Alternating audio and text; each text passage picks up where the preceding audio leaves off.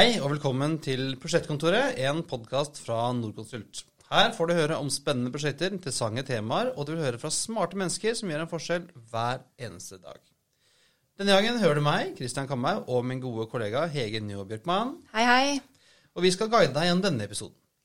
Sånn eh, før vi begynner, så pleier vi alltid å um, advare, eh, eller opplyse, eh, våre lyttere og gjester om at verken Hege eller jeg er ingeniører. Vi er siviløkonomer eh, og kommunikasjonsfolk, og det må vi bare beklage. Det betyr at vi til kan komme til å måtte spørre litt dumme spørsmål eh, for å forstå eh, ingeniørprat. Det håper jeg både dere som hører på, og dere som er gjester, vil ha forståelse for. I prosjektkontoret så ønsker vi å kikke litt nærmere på interessante prosjekter, men også på fagfelt som enten det er stor interesse for, eller burde være stor interesse for. Ja, og i første episode av Prosjektkontoret snakket vi om Tryssfjordbrua på E39 Kristiansand vest, Mandal øst. Og det syns vi faktisk var så inspirerende at vi har lyst til å snakke enda mer om bruer. Så derfor så har vi invitert tilbake Andreas Bratli Hei, hei. og hans gode kollega Henrik Skyvelstad. Hei, hei. Og dere er begge to broingeniører og kan, om ikke alt, så i hvert fall veldig, veldig mye om broer. Og for de som ikke har hørt episoden om Tryssfjordbrua tidligere, så anbefaler vi virkelig å gjøre det. Men uansett så kan du kanskje raskt introdusere deg selv igjen, Andreas. Hei sann, hei sann. Veldig hyggelig å være tilbake igjen. Jeg jobber fremdeles eh, her i Sandvika på broavdelingen. Jeg jobber med digitalisering av våre arbeidsmetoder og leveranser. Og det syns jeg er fryktelig spennende. Tusen takk. Og du er ny stemme her, Henrik. Hvem er du, og hva gjør du for noe? Ja, hei, hei. Eh, ja, mitt navn er Henrik Skivelstad. Jeg jobber eh, også på Broavdelingen. Jeg jobber her i åtte år. Er aktuell, eller jeg driver og tar en næringslivsdoktorgrad eh, på NTNU via Norconsult, som jeg også da ja, som jeg skriver om vind på lange bruer, altså hvordan bruene vaier i vinden og blåser når det blåser, da. Høres Wow. nesten poetisk ut. Der har vi et nytt tema å snakke om, eh, Christian. Kanskje jeg klarer cutten på en ny podkast senere. ja. takk. Og Sist du var her, Andreas, så snakket vi om Tryssfjordbrua, øh, og den kalte du en fritt fram-bru. Hva ligger i det? Eh, Det kalte vi ja, en fritt frambyggbro. Det Frambyggbro, var det. Ja, det stemmer. Eh, fritt Det er, ikke, det er ikke fritt fram på broa, liksom. Ja, du kan forhåpentligvis kjøre over, håper jeg. Men eh, Han virker. Ja, ja. Nei, nei, det interessante med det er for så vidt byggemetoden. Altså, du støper tårn på begge sider, og så støper du deg ut fra tårnene sånn symmetrisk på hver side. Og så forhåpentligvis, når du eh, har kommet langt nok, så klarer du å feste disse to eh, broene sammen. Så det er ganske interessant. Ja, og det var, Jeg hadde aldri hørt om det før, men øh, nå er jeg ingeniør, ikke ingeniør, da. Men, øh, men jeg har hørt om øh, andre typer broer. Hvilke andre typer broer finnes det egentlig? Uh, ja, nei, vi har, det er masse forskjellige brotyper. Uh, den kanskje største Altså de, de som vi bygger de lengste broene, er typisk uh, hengebroer. Som er eh, det, Kroneksempelet er Golden Gate Bridge, hvor du da henger opp en kabel mellom to, eh, to brutårn, eller brusøyler, eller hva du vil kalle det. Eh, videre så har man skråstagbruer, som et eksempel er Helgelandsbrua. Eh, den kåra til den fineste brua i, i Norge, hvis dere tar så google den. Det er veldig, veldig fin bru. Eh, der har du to tårn på hver side, eller ett tårn, hvor du har skråe kabler som bærer eh, brubanen. Eh, og så har vi også flytebroer, som er en spesiell brotype, hvor du eh, kan nesten kalle det, kalle det en, eh, en lang flytebrygge. Da, som, Lang eh, brygge til skjønn. ja, rett og slett. Som bærer fra, fra side til side. Som har da forskjellige pantonger da, som står nede i vannet. Ja, for den ligger ikke nett på vannflata. Nei, ikke, helt, ikke, de, ikke de som er bygd i Norge. Den ligger ikke helt nede på vannflata. Det har liksom litt avstand, og så er det noen punkter da hvor de treffer vannet. Ja, ok. Og så har du buebroer, som er eh, Svinesundbrua. Både den gamle og den nye er jo et eksempel på det. Hvor det da egentlig gamle dager så bygde man det i stein, fordi en bue kan på en måte stå i trykk, da, hele buen. Sånn at du slipper å ha Du kan stable stein på stein på stein, da, som gjør at du da ja, kommer deg over uten å, uh, uten å ha noen materialer som er på en måte kontinuerlig hele veien. Da. Den støtter seg selv, nærmest. Ja, den står på en måte av seg sjøl. Så må du nevne Puddefjordsbroen. Eh, Som bergenser så er det et lite ikonisk eh, sak for oss. Ja, alltid bergensere skal alltid snakke om Bergen. Og for oss ikke-bergensere, kan du si litt mer om det? Nei, den er, det finnes både to varianter, gammel og ny Puddefjordsbro. Det går fra, fra ja, eh, inn til Bergen sentrum. Ikonisk hvis du kommer fra typisk Fyllingsdalen eller Loddefjord, for de som er litt mer lokalkjente. Som vi ikke er.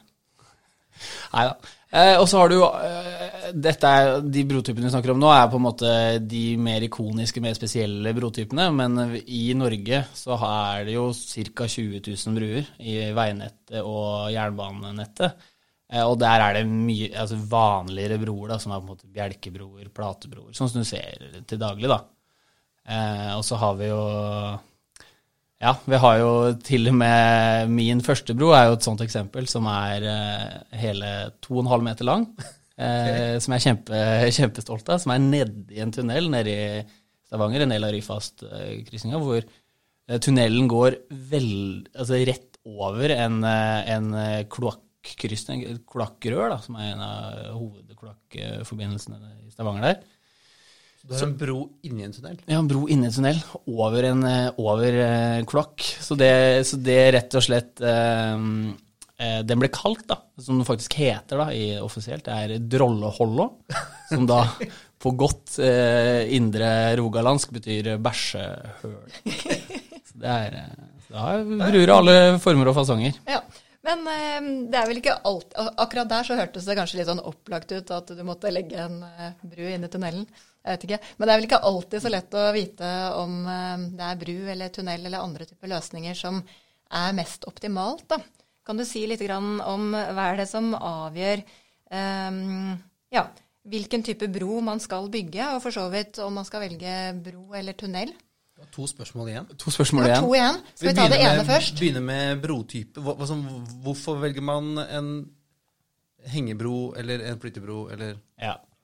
Nei, altså eh, Brotyper bestemmes ofte av spennlengder. Der eh, noen, eh, noen spennlengder er Altså det er ganske klart definert hvilke broer som er billigst på de definerte spennlengdene.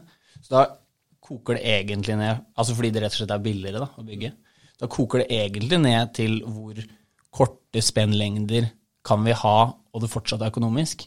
Altså sånn at vi er nødt til å og generelt så blir det hvor lengre spennlengder, hvor dyrere blir broa per meter. Og en spennlengde, det betyr Altså mellom søyle til søyle, da. Okay, ja. Altså en fri bærende lengde, da, på en måte. Så da, da blir det et samspill, da, et sånn økonomisk samspill mellom hvor mye det koster da, å sette en ny søyle, kontra hvor mye det ekstrakostnad du drar på deg ved å spenne én meter lenger, da. Kall det en sånn marginalkostsak uh, gående der. Så da er det jo hva er det som bestemmer om du kan sette ned en søyle, hvor dyrt det er? Det er jo selvfølgelig er det vann der du skal sette ned søyla? Har du lov til å sette ned søyle der? Er det veldig dypt? Er det altså veldig, veldig høyt ned? Altså All fundamentering eh, er generelt ganske dyr, da, men det er enkle og vanskelige fundamenteringsløsninger. Da. Og hvis det er høyt oppe, kanskje, sånn som ligger ligger ganske høyt oppe i, over en, uh, en, fjord? Ja, da blir det, veldig, da blir det dyrt. da. Du har på Milot-brua, som i Frankrike, den er en av de høyeste broene i verden, og da tror jeg brubanen ligger over 300 meter. Og da er søylene da blir 300 meter før de på en måte helt begynner å bygge bro. da. Ja, det er, det er jo på en bakke, det er i, i en dal da, ja. i Frankrike, men den er også ganske spektakulær. Kan man mm. se på den. Men, men det, er ikke, det, er ikke, bare kostnadene dere ser etter, eller? Eh, nei, nei det, det, er klart Det er jo ikke bare kostnader, men eh, vi prøver å gjøre om det meste til kostnader. Altså mm. Altså, vi Det er klart, um, vi skal jo komme oss over der på en trygg og sikker måte, og vi prøver å få med miljøperspektivet i det hele. og som en del av Jeg i hvert fall får den tanken at du skal kunne klare å Hvis du prissetter miljøet, så blir det en kostnad, og da blir det på en måte samfunnsøkonomisk kostnad, eller kall det prosjektkostnad uansett. da. Og så er det en del krav som vi får ikke lov til å sette f.eks. søyler i alle mulige drikkevannskilder og en del sånne. Mm. Men estetikk har vel også en del å si her, sånn. For eh, jeg må jo si at jeg blir jo personlig veldig fascinert av de broene som er pene både fra oversiden og jeg vet ikke om man kan si baksiden, undersiden. I hvert fall når man går under eller kjører båt under, da. Ja, ja absolutt. Det er, og det er, et, det er et veldig godt poeng. Eh, det er mange som ønsker å betale for at f.eks. bynære bruer da, skal se veldig fine ut, eller i et ek- sånn spektakulære områder at de skal ha en estetisk utforming som på en måte ja, som gir deg mer da, enn bare å være en bro, da, eller bare være minimumsløsninga minimumsløsning på en måte på pris. da. Ja, ser, du ser jo det flere steder i verden at du har Det blir et type landemerke. Det, det er en gjenkjennelsesfaktor. Du snakket om Golden Gate Bridge i sted. Altså det, det får jo ti millioner mennesker dit hvert eneste år eh, som ser på den broen. Og Den har jo blitt et ikonisk eh, ja, Det er en symbolverdi da, for byen San Francisco. Så, og det er det for flere broer i Norge også. Så, så det, akkurat det perspektivet der er verdt en del for, for mange. Ja. Det er jo helt klart en del broer som er turistattraksjoner i tillegg. Men noen ganger så velger man tunnel i stedet for bro. Det er av og til det lønner seg. Vi har jo Rogfast som et godt eksempel på det, der vi har bygget eh, relativt eh, lang eh, sjøkrysning eh, i tunnel. Eh, og det er som oftest sånn at eh, når spennlengden blir lang nok, så blir det fort tunnel. Men eh, det har jo selvfølgelig sine, det, har sine utfordringer. Det er ikke sånn at man uansett, selv om det kanskje er rimeligere, så har vi en del Vi ser jo på Oslofjordtunnelen, den er jo stengt 300 ganger i året. Det, jo, det har en del sånn samfunnsøkonomiske konsekvenser å, velge tunnel i visse tilfeller.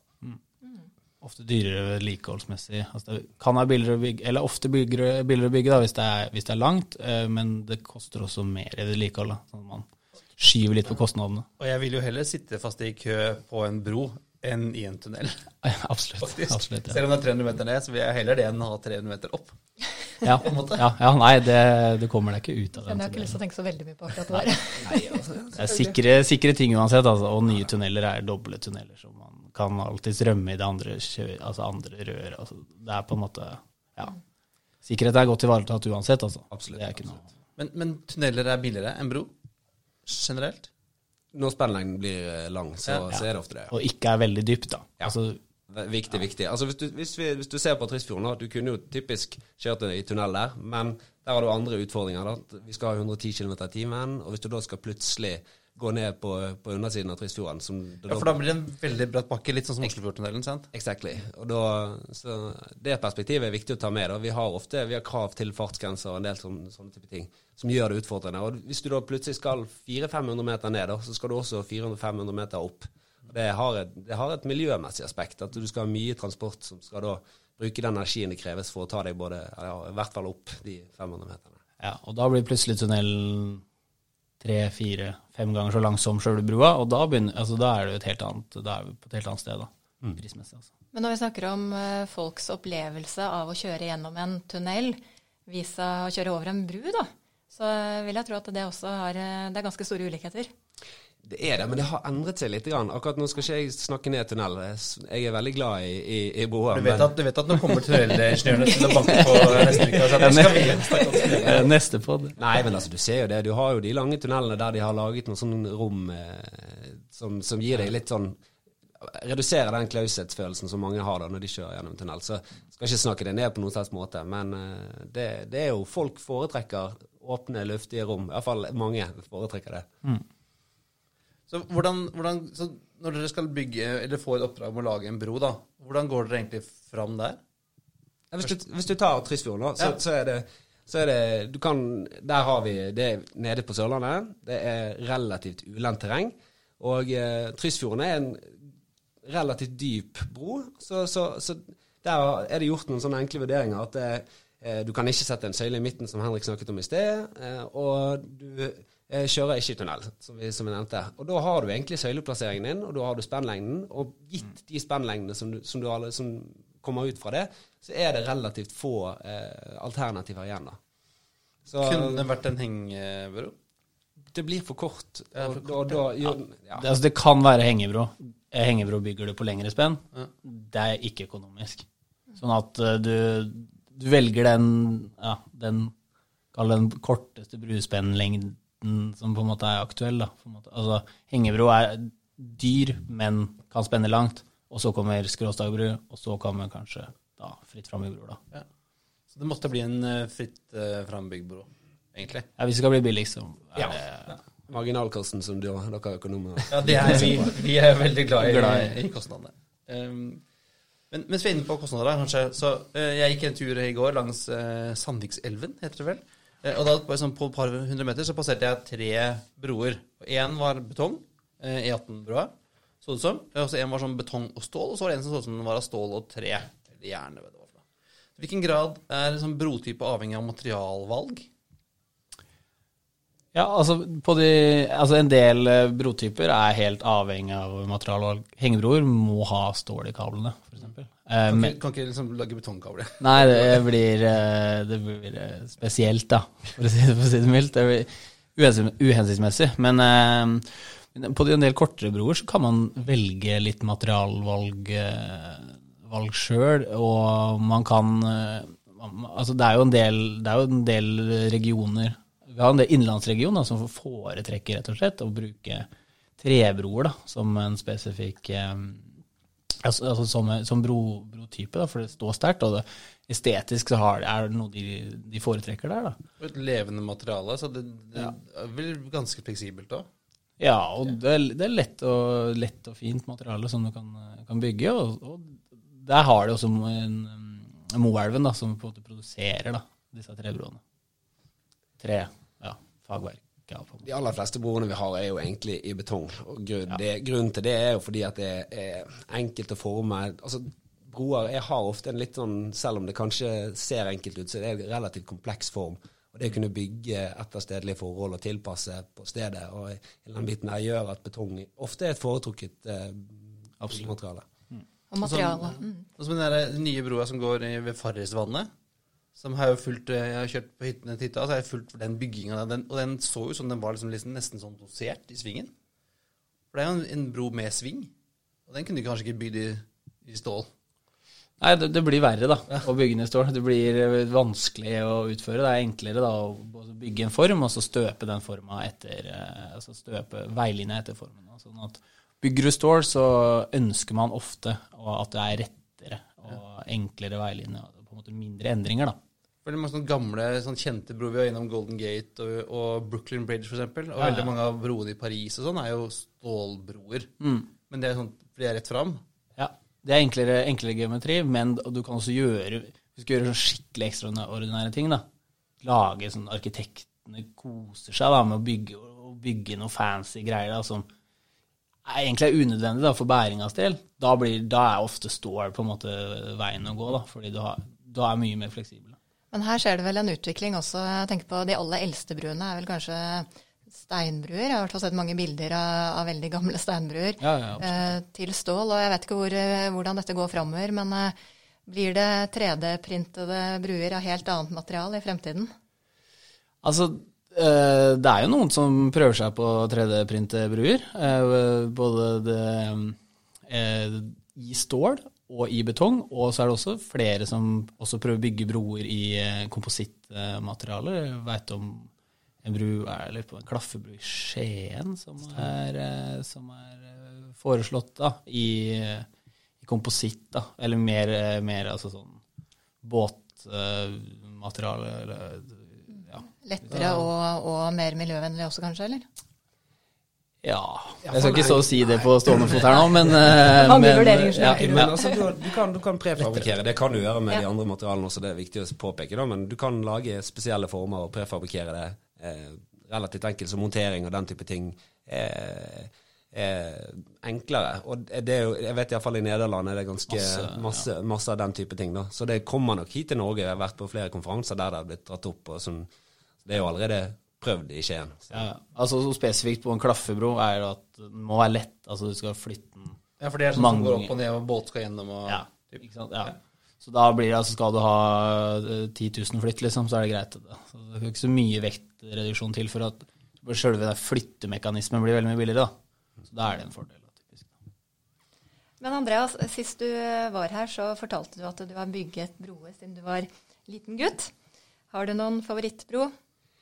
Nei, igjen da, som bergenser så må jeg jo ta, dra fram en bro fra Bergen. Nei, Jeg syns, jeg syns jo eh, Askøybroen i Bergen er veldig flott. Eh, jeg har jo gode erfaringer fra turer i skog og mark der du ser Askøybroen i solnedgangen. Så det, for meg så har den iallfall en lokal tilknytning som gjør at jeg syns den er veldig, veldig, veldig fin. Og sånn ingeniørmessig òg. Fag, fagmessig er det en bra bro. Det er jo en hengebro, da, så det, det er jo utrolig spektakulært å se på en hengebro. Den er vel den tredje lengste broen vi har i Norge. Og den, ja, plassert fint. Har den, ja, som, som ingeniør så er alle hengebroer de er vakre. Og så har jeg også hørt at du har en sånn forkjærlighet for gamle broer, for de har, er noe spesielt i seg. Jeg syns det Jeg, jeg syns iallfall det er fascinerende, da. Eh, Det, eh, vi hørte på skolen når vi studerte, det var en, eh, som fortalte at eh, på 50-tallet, etter krigen, så hadde de jo vært litt klok av skade. Så de eh, lagde en del utsparinger for eh, sprengladninger. Så når, hvis vi skulle bli invadert på nytt, så hadde vi anledning til å da eh, bryte ned infrastrukturen, så det var vanskeligere å ta, komme seg inn til Norge. Så det synes jeg, jeg syns det er spennende med den historien som ligger bak mye av de broene vi har rundt omkring i Norge. Så det, Prosjekt, har, prosjekterer man fremdeles med det? Som plass til å putte sprengladningen, Eller har de gått bort fra det? Eh, det jeg har ikke sett det ja, nei, Nei nei, jeg, nei, har nei, ikke nei, sett nei, nei, nei, nei, det. Nei, det er- Ja, da må vi drepe deg etterpå. Men du Henrik, har du noe favorittbru? Uh, ja, nei, jeg er jo også glad i de lengste brotypene, og da er det I Norge så er det, det med lengst spenn er jo Hardangerbrua, og det er skikkelig fin bro. Ligger midt i fjella der ehm, på Hardanger. Som jeg, det, det for, meg, for min del er det den definitive favoritten. Den er, eh, den er veldig spesiell og Ja, nei, det er, det er lang og fin og, og, og slank bro, da, ikke minst. Eh, Og igjen, eh, jeg vil tro at det er, er jo sånn Dere er vel litt fan av den også, av ingeniørkunstens del, ikke bare det estetiske? Ja, nei, den er, den er utfordrende bro. Altså, det er ikke noe tvil om det. det er, eh, når den ble bygd, så mente man at den var verdens slankeste bro. At man, det er ikke så lange broer som er bygd som har så liten brukasse. Det er kanskje fordi ingen i verden er, har lyst til å bygge så lang og dyr bro med kun tre kjørefelt. Men uh, det er bare nordmenn som kan finne på å gjøre det. Men, uh, men uh, ja, nei, så den er, den er utfordrende, og den, den, er, den er fin, altså. Den Så er det noe med Jeg har hørt at den er så lang at, at det er noe med jordens krumming som gjør at den er spesiell òg? Ja, ja, det er litt, litt morsomt, fordi altså, tårna på hver side er typ, altså, rundt 200 meter. Da. Og, da, og så er det 1300 meter mellom, og da vil Når du bygger på en måte tårna eh, loddrett på hver side, så står topp, altså, topp tårn står 4 cm lengre fra hverandre enn eh, bunn tårn. Ok. Ja, bare pga. jordkrumninga. Ja. Ja. Så det er et lite stikk til eh, flat earthers, eh, de som har konspirasjon på det. Så, sånn er det ikke. Mens du er sånn glad i en sånn lang og slank bro, så har jeg min favoritt er en sånn liten stutt og tjukk en. Ja. Jeg er Oslo-gutt, så min favorittbro er Åmot bru, som går over Akerselva. Eh, Den er jo sunget om av Bjørn Nilsen, blant annet, for han sier at den står at 100 mann kan jeg bære, men svikter under taktfast marsj, står det på den. Ja. Og det har jo mange, annet Lillebjørn, eh, tatt sånn til, til inntekt for sånt antikrigstankegang og fred og sånn. Det er jo pint. Men det er, jeg har lest om det, og det er faktisk eh, en, en faktisk advarsel. Ja. Eh, fordi at eh, når denne ble bygd, så hadde de visstnok en, en fransk bro av samme konstruksjon hadde eh, falt sammen. Fordi at en garnison hadde, eller en gjeng hadde marsjert over, da. Ja, Så det er faktisk noe med, med vibrasjoner og svingninger når man marsjerer på denne broa. da. Mm. Og det, er, det gjelder jo egentlig alle konstruksjoner, at de har en, en egensvingning da, som de, som de, satt, veldig, som de kan satt, settes i gang med veldig lite kraft. Det er ganske likt en hvis du sitter på en huske.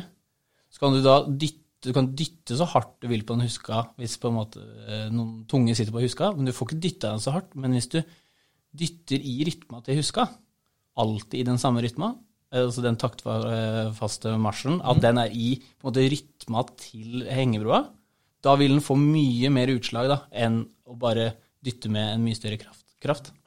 Så det er, eh, og det er litt av det jeg da skriver doktorgrad på, da, at vinden da kan dytte dytter da broene i en eller annen frekvens da, som tilsvarer den eh, ja, Så hvis du da får feil frekvens, det er da du kan få et, en, eh, at den svikter. ja, mye, mye større ja, respons eller laste på den. Det vil jeg jo tro at gjelder også det som jeg tenkte å trekke fram som min favoritt, Golden Gate Bridge i San Francisco. Ja, Den er vel eh, nesten tre kilometer lang og ble bygget på slutten av 19, eller midten av 1930-tallet, tror jeg. Ja den, er, den, er, den er veldig gammel og veldig fin, og jeg tror ja, spennende da, som vi broingeniører på en måte bruker som lang. Jeg, jeg det husker ikke helt, ja, men jeg tipper den er kanskje 1200 meter eller noe sånt. Ja. tror jeg. Jeg har, Altså, den er eh, veldig fin, altså. Jeg har både sett den mye på bilder, men jeg har også prøvd å gå over den. Og jeg syns vel at den er flottere på bilder enn eh, enn å spasere eller kjøre over. Jeg ser for meg at han er litt rusten, og, og det er mye stål og det er mye, mye greier. En litt morsom greie når de, når de skulle bygge den, var jo at de Altså, eh, ho, altså, sjef, altså bygningsingeniøren der som skulle bygge, han krevde at det skulle være et sånt sikkerhetsnett under, eh, under broa. Eh, og, og, men, men det kosta selvfølgelig en god del mer, da. Tilfelle noen skulle falle ned. Ja, tilfelle noen skulle falle ned. Og han sa at nei, det skal vi ha. Oi. Eh, og da, nei, hvorfor skal da det? Og nei, de trengte jo ikke sånn på den tiden, da. Eh, Og HMS var liksom ikke Nei, det var liksom ikke fokus. Det var liksom ikke fokus. Men han tok litt lett på det. Så i løpet, men i løpet av bygginga, det tok sånn ca. fire år, så var det, var det 19 stykk som datt da, ned i det nettet. Så det, og de kalte seg sjøl, den gjengen, da, og redda livet, selvfølgelig. Eh, de kalte seg sjøl The Halfway to Hell Gang. Crew eller noe sånt. da. Så det er en liten morsom, morsom sak. Jeg syns jo det er eh, ekstra morsomt når eh, bruer også blir noen av de største turistattraksjonene. Og sånn er det kanskje også med Hardangerbrua. Um, men før vi runder av, så um, Norge er jo verdensmester, i hvert fall på langrenn. Men vi har jo fantastisk mange fine broer også. Så føler dere at vi nærmest er verdensledende på brubygging? Ja, Vi bygger utrolig mye bro i Norge. Det er et ulendt terreng, og det er mye fjorder og ja, store krysninger som må gjøres. Så, og basert på det, og for så vidt den teknologien som vi har fått gjennom offshore også, så har vi blitt gode på å gjøre store krysninger. Så norsk ingeniør ja, den norske ingeniørstanden står godt når det kommer til det å bygge broer. Spesifikt så er vi jo veldig gode på hengebroer. Eh, internasjonalt så er det bygges ikke så mange hengebroer internasjonalt. Det bygges mange skråstagbroer, men i Norge så er vi veldig gode på hengebroer, og tradisjonelt mange lange hengebroer. Eh, og det bygges jo nå en del i Kina, men, eh, men internasjonalt er, vi, er det en sånn spesial, spesialkompetanse. Hvis vi da i tillegg da begynner å bygge en del av de der eh, ekstrembroene da, som man har tenkt seg på Vestlandet, så snakker vi teknologi tilsvarende altså, ja, Nå er jeg jo en broingeniør, så skal jeg kanskje passe meg, men kondypene kan gå og legge seg, mener jeg, da, hvis, klarer, hvis vi bygger, klarer å få bygd en del av de Typisk den flytebrua over Bjørnafjorden er en, eh, det er ingeniørkunst I verdensklasse. Ja, ja, ja. ja, ja, ja. ja absolutt. Ja. så, så, Og dette er jo E39, sant? E39-prosjektet. det skjer mye der. Mye broer. Absolutt. Det skjer. Og hvis det blir realisert, så er det Da er vi verdensmestere på broer, uten tvil. Så vi har, også har vi, Du var inne på det også med teknologi. så vi har, Det har vi snakket om eh, tidligere i andre episoder også, om hvordan teknologi og digitalisering endrer måten vi jobber på. Eller dere jobber på, da. Så konkret, hvordan har ny teknologi endret måten dere jobber på for å prosjektere broer?